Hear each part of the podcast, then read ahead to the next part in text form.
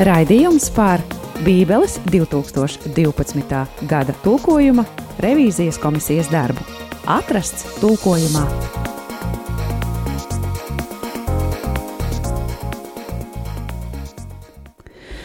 Atrasts tulkojumā ir atkal tavā radio aparātā. Ar tevi kopā šajā stundā būšu es Judita Ozoliņa, šajā pusstundā. Būšu kopā ar tevi es Judita Ozoliņa, un, protams, šeit studija pilna ar zinošiem cilvēkiem, kuri ir atnākuši, nu jāsaka, gluži vai pavisam silti no uh, revīzijas komisijas uh, tikšanās uh, sēdes, kurā atkal. Um, ir runājuši un strādājuši tālāk pie revīzijas 12. gada, tātad tulkojuma revīzijas darba. Un šodien šeit studijā sveicam un sveicinām mūsu studijas zinošos viesus. Lūdzu, iepazīstiniet ar sevi īsumā. Valdis Tērautkons, Jānis Rudzīts Neimanis, Nikita Andrejevs. Līva Fokrote. Prieks jūs sveikt un sveicināt, un, protams, kā, kā ierasts, mēs pajautāsim tai studijas mainīgajai daļai, šoreiz Līvai, kā viņai. Kāds viņai, nezinu, iespējas no tā, kā veicas darbs šajā revīzijā un kā vispār izskatās? Nu, tā kā iet uz priekšu, virzās, ir cerīgi, vai mums vēl ilgi būs jāgaida? Uh, nu, tā, tas tāds grūti atbildams jautājums. Uh, noteikti es novērtēju to, ka kopā ar kolēģiem mēs esam strādājuši centīgi, cītīgi un intensīvi. Uh, es teiktu, ka nu, tīpaši attiecībā uz veco derību jau, jau var redzēt gaismu tuneļa galā. Es domāju, ka jā, process rit, rit uz priekšu, raiti, labi, un ir, ir cerība, ka reiz beigsies. Hm, brīnišķīgi. Mums arī tā ir cerība. Un, uh, lai to dzīvi padarītu interesantāku, vai tu zināji, klausītāji, uh, ka Bībeles garākā grāmata esot Jeremija grāmata ar aptuveni uh, 30. 33,000 vārdu oriģinālajā valodā. Daudz vai ne? Nezinu, um, vai tā ir taisnība, nezinu, vai kāds ir gatavs skaitīt, bet tā vismaz apgalvo kāds no um, avotiem par interesantiem faktiem sakarā ar Bībeli. Mēs ķersimies pie vecās darbības, kā alažs, sākam ar veco darību, un arī pēc tam turpināsim ar jauno. Kādus raksta vietas jūs mums šodien esat atnesuši, un par ko jūs mums šodien stāstīsiet? Sāksim droši vien ar veco darību, kā tas alažs ir ierasts. Uh, labdien, vēlreiz. Tad, tad, nu, beidzot, mēs varam pateikt, ka ar Jeremijas grāmatu mēs esam tikuši galā. Protams, tas gan neizslēdz iespēju, ka pie kādiem pantiem varētu vēl noteikti atgriezties, un esam ķērušies klāt pie uh, uh, vaimanu dziesmām, ko kād, kādreiz pazina arī kā Jeremijas raudu dziesmas. Uh, pirmais pāns, tad, tad, ko gribētu piedāvāt no Jeremijas grāmatas, 51. nodaļas 34. panta, uh, 2012. gada tulkojumā uh, skan šādi: Rīja mani, svēlēja mani bā, Bābeles ķēniņš nebukadnēcars, nolika mani kā iztēmtu trauku, rīja mani kā nezvērs, ar maniem kārumiem pildīja savu māgu, man izlaistīja. Un komisija uh, mainīja to uz uh, sekojošu variantu. Rīja mani nīcināja, mani Bābeles ķēniņš nebukadnēcars, nolika mani kā izdzertu trauku, rīja mani kā nezvērs, ar maniem kārumiem pildīja savu vēderu un man izlēja ārā. Un tad pārējās divas raksturvietas būs no Vaimana dziesmām. Pirmā tātad būtu no 1. nodaļas 12. pānta. Vispirms tātad 12. gada tulkojuma variants. Ejošie ceļu, lūkojiet, skatiet, vai ir vēl tādas sāpes kā man, kas apņem mani. Tā skumdina mani kungs viņa dusmu kvēles dienā. Un 12.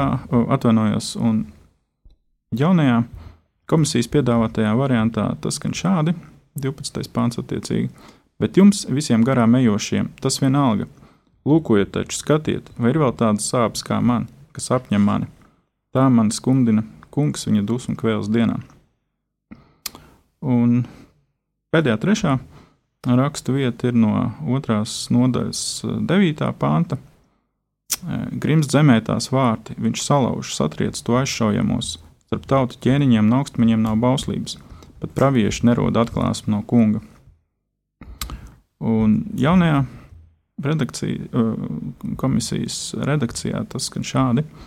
Grims zemē tās vārti, viņš salauž, satriec to aizšojumos, tās ķēniņš un augstmaņi ir starp citām tautām. Nav bauslības, pat pravieši nerod atklāsmu no kunga. Paldies! Es saprotu, šodien mēs šeit vecajai darībai liekam punktu, bet par, par kādu no rakstvietām mēs varēsim dziļā, dziļāk stāstījumu dzirdēt pēc dziesmas, vai ne? Nu, droši vien, jā, varētu Jeremijas 51. nodaļas tekstu plašāk jā. pastāstīt. Jā, paldies! Um, Paldies! To mēs noteikti arī pēc dziesmas darīsim. Ko šodien jaunā darība ir atnesusi sev līdzi? Jā, šodien mēs gribam pastāstīt par uh, dažiem labojumiem, kas tika veikti pie vēstules Filipiešiem tekstā. Un, uh, tas konkrēti, un tie būs trīs, un par viens būs tik, uh, par, par tik nozīmīgu vietu, ka mēs par to noteikti vairāk parunāsim. Un pirmais, par ko gribētos pastāstīt, ko, ko es nosaukšu, ir uh, viens desmit, kur uh, nu pat bija vēl rakstīts, lai visi pārbaudījumi jūs pārliecinātu, kas ir labāks, lai jūs būtu sirdskaidri un nevainojami Kristus dienai. Bet uh, diezgan ievērojami tas teksts ir mainījies, ka jūs izšķirtos par labāko un lai jūs būtu sirdskaidri un nevainojami Kristus dienai. Uh, respektīvi šie pārbaudījumi jau vairs tur pavisam neparādās. Uh, otra vieta, ko mm, es vēlos nosaukt, ir uh, 4.6. Neiesiet noraizējušies ne par ko, bet jūsu vajadzības, lai top zināmas Dievam, ikvienā jūsu lūgšanā, pielūdzot Dievu ar pateicību. Un kas ir uh, mainīts komisijas darba laikā, par neraizējieties ne par ko, bet it visā dariet zināmas Dievam savas vajadzības, lūkšanā un aizlūgumā ar pateicību. Bet galvenā raksta vieta, ko mēs apspriedīsim pēc uh, dziesmas, ir uh, no vēstules Filipiešiem 2.6, kuru droši vien daudzi pazīst, uh, un sāk, mēs to izlasīšu sākot no 2.5. Um, lai jūsos ir tādas pašas domas kā Kristu Jēzu, uh, kas, būdams Dieva veidā, neuzskatīja kā satveramu laupījumu būt vienādam ar Dievu. Un šī raksturvieta, šīs abas, šī vieta 5-6, pārvērtās šobrīd par, lai jūsos ir tādas pašas domas kā Kristu Jēzu, kas, būdams Dieva veidā, neuzskatīja līdzību Dievam par ieguvumu, ko paturēt sev, bet sevi iztukšoja un turpmāk pieņemis kalpa veidu un tapis pēc cilvēka līdzības un būdams tāds pats kā cilvēks. Nu, jā, tā kā šo mēs pakomentēsim vēlāk jau vairāk. Jā, mēs noteikti to daļu uh, gaidīsim. Uh, visas raksturvietas, protams, ir interesants dzirdēt, kā tās ir mainījušās un kāpēc, bet uh, par dažām no tām, kuras ir izskanējušas šobrīd, mēs vēl dzirdēsim pēc dziesmas. Atrasts tulkojumā! Functified.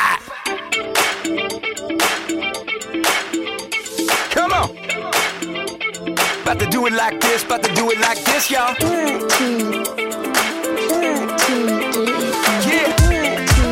Uh. One, two, three. When I sit back and imagine life without you, I can't fathom how I ever thought I'd make it on my own. And there's at least a million reasons I'm still standing here comfort, you're my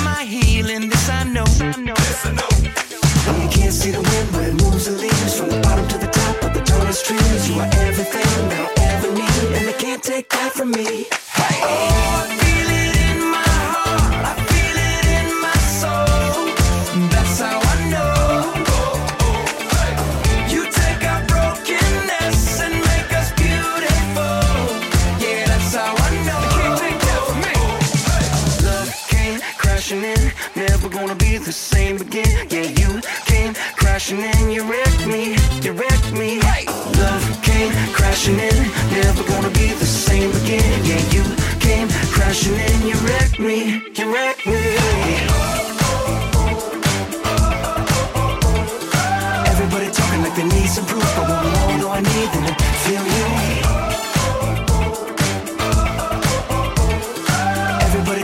Need some proof, but one more do I need than to feel you. When I sit back and imagine life without you, I can't fathom how I ever thought I'd make it on my own. And there's at least a million reasons I'm still standing here believing you're my comfort, you're my healing. This I know. This I know. You can't see the wind,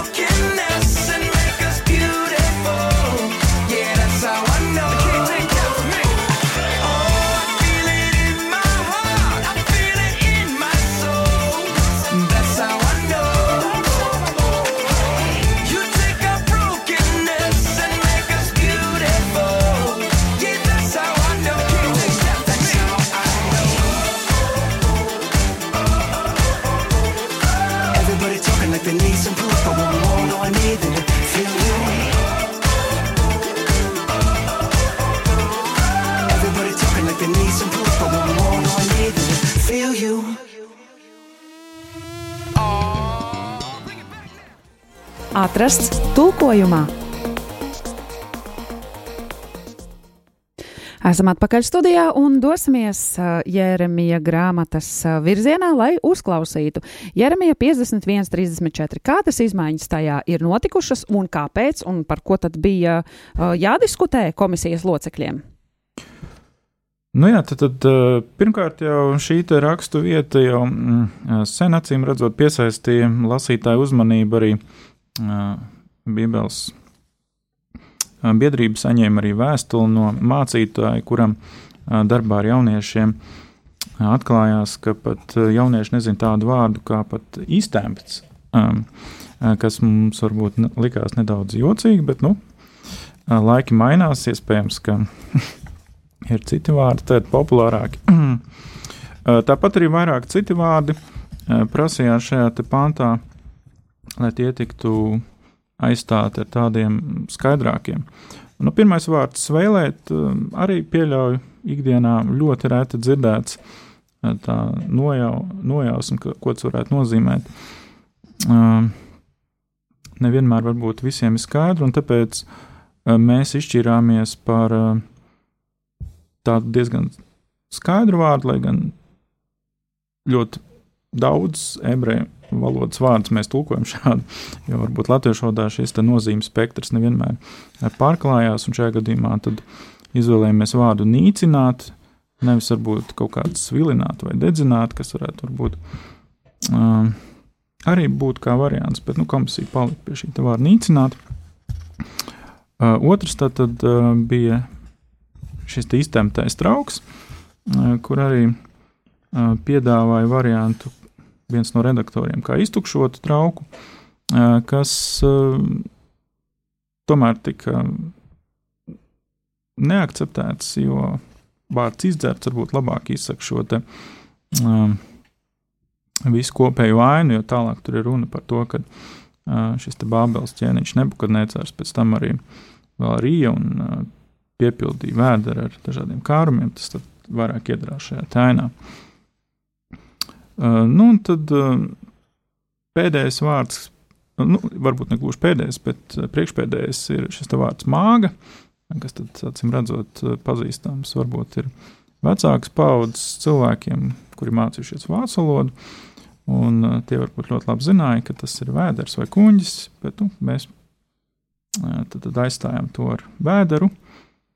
Un pēdējais vārds, kas tad ir uh, panta beigās, mm, kas 12. gada tulkojumā skan kā man izlaistīja, ir ļoti interesants, jo uh, tas vārds, kas ir lietots senebreju valodā, nav nemaz tik bieži pārstāvēts vecā darbā pāris reizes. Un tad ir um, jautājums, kādu ainu mums iztēloties, ko tad dara šis bābeles ķēniņš ar viņu. Um, bija vēl vairāki varianti, tad, tad ņemot vērā tālāk citas vietas, kur parādās šis vārds, pārsvarā parādās ar nozīmi skalot, mazgāt, piemēram, saistībā ar upuriem, upurēšanas kontekstā. Un tad tika piedāvāti varianti, viņš mani aizskaloja. Uh, tad vēl tika piedāvāts arī tādas tā abstrakcijas, aizdzīt, pad, padzīt šī aizskalot vietā, vai pat aizspļaut. Un uh, arī otrs redaktors uh, Uh, uzskatīja, ka šis vārds aizskalot pa otru galu varētu būt domājams, teiksim, kā viņš apēda, teiksim, mani tā viņš arī izvadīja uh, no organisma mani ārā.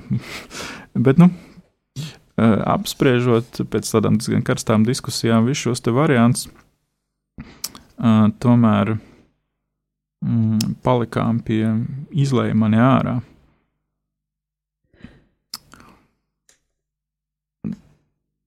Kas attiecās vēl uz tām pārējām divām rakstu vietām, tad um, vai man dziesmās 1.12. Tur pānta sākums tāds salīdzinoši neskaidrs un pāris nianses arī tika izlaists. Tad, ejošie ceļu, um, nu, nedaudz tā neleveika latviski skan, un tāpēc to mēs aizstājam, bet jums visiem garām ejošiem. Un tas akcents, kas tur parādās, tas vienalga, uh, kas ir ļoti svarīgi. Um, tālāk, lai aprakstītu visas šīs sāpes, kas tad ir pārņēmušas attiecīgi lūdzējus. Un uh, pēdējā, trešā vieta, ko es nolasīju, uh, tur ir uh, šobrīd tā vieta, ko, ko mainījām. Starp tautu ķēniņiem un augstmaņiem nav bauslības, pat pravieši nerod atklāsmi. Um, tā ideja, kas eh, būtībā pāntā tiek pateikta, ir nevis ka tautu ķēniņi un augstmaņi, ka viņiem nav šīs bauslības, bet ka ir runa par Izrēlu, ka tās ķēniņš un augstmaņi tagad ir starp citām tautām un vairs nav bauslības. Tad, tad mainot šo 12. gada tulkojumu uz nozīmi, kas uh, ir um, sākotnējā tekstā, ebreju tekstā, tad uzsvērt. Nu, protams, papildus diskusijas šajā uh, kontekstā, kā vienmēr, ir par to, kā tulkot šo vārdu, mm, kas senebreju valodā, protams, tiek lietot specifiski uh, par citām tautām. Tur ir tāda nianse. Uh, par to mēs droši vien no komisijā vēl kā, kādreiz diskutēsim. Uh, kā apzīmēt eh, šīs citas tautas, vai vienkārši kā citas tautas, vai kā pagānu tautas, vai vēl kā vienkārši kā tautas. Uh, nu, tik daudz.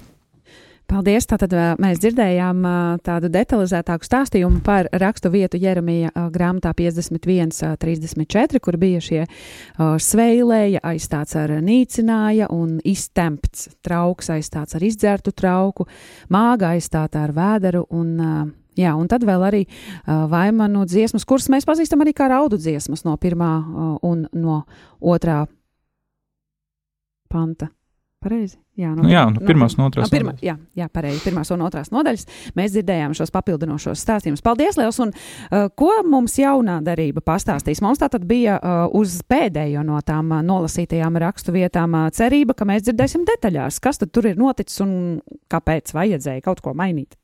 Nu, jā, šī uzmanība vispār, kāpēc liekas, ka šī raksta vieta ir tā, pa kuru noteikti jāstāsta, ir tāpēc, ka tā ir daļa no uh, fragment, Veselas Filipiešiem fragmenta 2, 6 līdz 11, ko uh, dažkārt mm, sauc par uh, seno Kristus himnu, respektīvi šīs fragments tiek uzskatīts, uh, vismaz daļa pētnieku tā uzskata, ka tā ir uh, sena kristiešu ticības apliecība, vai himna, kurā ir, respektīvi, uzskaitīts visas šīs dažādas uh, lietas, kas notiek ar Kristu, un tā skaita to, ko um, arī mēs esam labojuši. Še, šeit ir pieminēta šī Kristus iztukšošanas, kura viņš, uh, un šeit ir pieminēta viņa inkarnācija, um, šeit ir pieminēta viņa krustanāve, viņa augšām celšanas, respektīvi viss šī, šajā, nu, viss šajā tekstā ir, un tāpēc, manuprāt, viņam varētu velt uzmanību, un Piemēram, ja no, no baznīcas, liturģiskās prakses, Anglijas baznīca piedāvā šo tekstu kā vienu no iespējamām uh, ticības apliecības formām, respektīvi tas, ko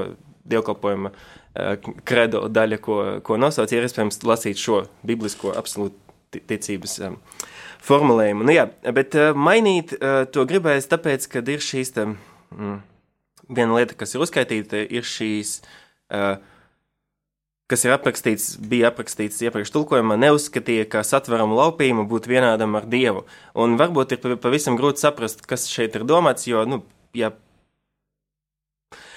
Principā ir domāts tas, ka um, nu, nu, vismaz viens veids, kā, kā to saprast, ir tas, ka Kristus to savu līdzību dievam uh, neturēja pie sevis, vai ne, bet viņš izmantoja to šajā pareizajā veidā, kas arī vēlāk ir aprakstīts, iztukšojot sevi, eh, neturoties to, nu, respektīvi, viņš ne, nenolaupīja šo uh, līdzību dievam, un arī Jo un ir paredzēts, ka laupījums ir tas, ko kā, ā, noteikts pirāts vai puķis uz tā sēž un glabā un nevienam nedod. Tas ir viens no veidiem, kā to saprast, bet vajag kaut kā, varbūt pat ilgi domāt un varbūt izraisīt kaut kādu neskaidru tādu um, situāciju, un tāpēc mēs arī ilgi domājot un runājot komisijas laikā izvēlējāmies šo, šo variantu, respektīvi, kas ļoti skaidri izsaka šo metaforu, kas varbūt nesaprotama šodien, kad līdzība dievam nav iegūms, ko paturēt sev, bet viņš sevi iztukšoja un tā tālāk un tā joprojām. Un, um, jā, Es varu piebilst tikai, ka man liekas, jā, par, par tām ticības apliecībām ir interesanti, ka šeit, šeit iezīmējās tāda vēsturiska ģenēza attīstība, ka no tādas sākuma ļoti, ļoti īsas formulas. Kristus ir, ir kungs, kas iespējams ir bijis tā, tā sākotnējā tāda ticības, ap, ticības apliecinājuma formula, tad tas, tas uh, patreiz tā tiek izteikta šajā tekstā jau, jau tādā garākā formulā, kas akcentē tieši to, kā, kā Dievs iztukšo pats sevi, atsakās no, no visas Kristus personā, saplūst ar, ar cilvēku, cilvēks pietuvojās uh, cilvēkam maksimāli tuvu, un tad vēlāk, uh, protams, uh, gadsimts vēlāk jau visi citi dogmatiskie formulējumi, kādas mēs tos tos pazīstam. Ja, ka šeit ir, ir dažādi šo, šo ticības apliecinājumu formulējumi, kas arī parāda, ka dažādos gadsimtos varbūt uh, dažādi akcenti uh, ir likt uz kādu vienu uh, vai, vai otru atziņu jaunajā derībā vai jēzus mācībā.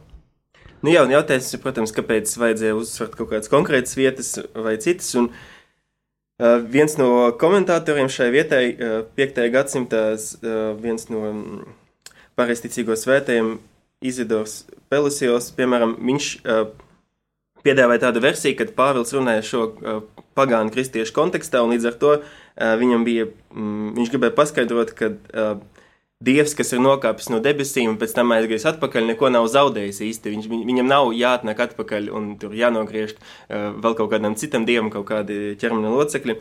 Un, um, bet ka tāpēc, ka viņš jau sākotnēji bija piederīgs viņam un ka, viņš, ka tas nebija kaut kāds uh, pagaidu variants, ka viņš, kamēr viņš ir debesīs, viņš ir dievs. Un, nu, respektīvi, čaksta, ka pagāni bija mācīti, ka galvenais dievs uh, varētu dzemdināt vēl citus dēlus, kas arī pēc tam uh, gribēs, gribēs piesavināties uh, šo dievību, un, nu, respektīvi, tas ir vienīgais dēls, kas viss ir kārtībā, viņš ir li- likumiskais mantinieks. Um, respektīvi, arī nav tā, ka šī, šī, šī panti visos laikmetos visiem bija skaidra, un vēl ir vairāk arī dažādas um, lietas ar to varēja cilvēki savu, savā laikā pamatot. Viņš arī tika izmantots tajā brīdī, kad baznīca cīnījās pret arijāņiem, kad, respektīvi, šis, šī, šie, mm, šie panti nav vēstules filipiešiem. Jā, nu tas ir tas jautājums par to, kas ir, kas ir kristietības kodols, un, un arī tas var, var likties ļoti vienkārši atbildams jautājums, tātad skatieties ticības apliecībās vai skatoties uz Jēzus personu. Patiesībā nē, jo tās robežas tam uh, kristietības kodola ietvaram, veidolam, ja, ja tā grib teikt, viņas uh, visu laiku tomēr kaut kādā mērā mainās arī, un, un tā ir tāda, tāds, tāds nemitīgi dialoga rezultāts. Savulaik arjāņi, tas bija tas jautājums, ja arjāņi bija patiesībā vairākumā, un, un tie tagad, kas tiek saukt par ortodoksajiem mazākumā, uh, vēlāk citi jautājumi, un, un mūsdienās varbūt jā, ētiskie jautājumi ir visu šo, šī dialoga centrā. Kat, katrā laikā ir sava šīs robežas, un tā ir tāda nemitīga konsensusa meklējuma. Nevi, nevis tas, ka mēs varam atrast kaut kādu iekonservētu kristietības kodolu, ko mēs tagad varam pasludināt. Brīnišķīgi, vai Līva jums kas piebilstams, vai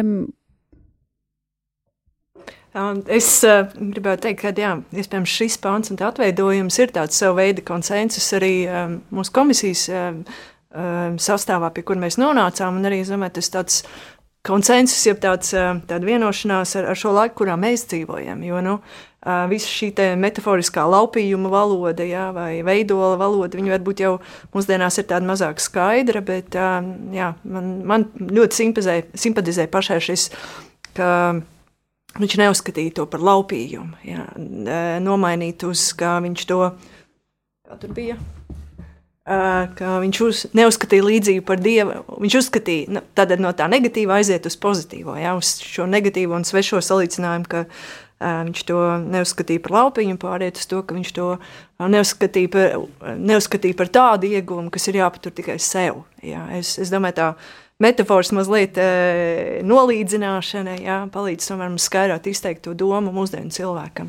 Un es domāju, līdzīgi, līdzīgu dinamiku mēs redzam arī tajā, kas e, tika teikts par vecās derības e, pantu tulkojumiem arī. Jā. Mums ir tomēr jārēķinās, ka valoda iet uz priekšu, attīstās cilvēki arī kādas reālīs vairs neatpazīst. Un, e, es domāju, tā ziņā tas, tas ir tas, ko mēs varam dot savu šo tulkojumu šajā laikā. Jā, to kristietības pamatvēsti, jā, interpretēt un pārinterpretēt un ie, ie, ietērt vārdos, kas ir saprotami mūsdienu sabiedrībai. Paldies! Mūsu raidījums arī tiešām strauji ir pietuvojies izskaņai, un mēs paldies sakam Jānam Rudzītim, Valdam Tēraudkalnam, uh, Līvai Fokratei un es pēkšņi aizmirsu. Nikita Andrejam par šodienas tikšanos šeit ar mums. Ēterā tiksimies jau nākamajā reizē, kad mēs atkal kaut ko atradīsim tulkojumā. Raidījums par Bībeles 2012. gada tulkojuma revīzijas komisijas darbu. Atrasts tulkojumā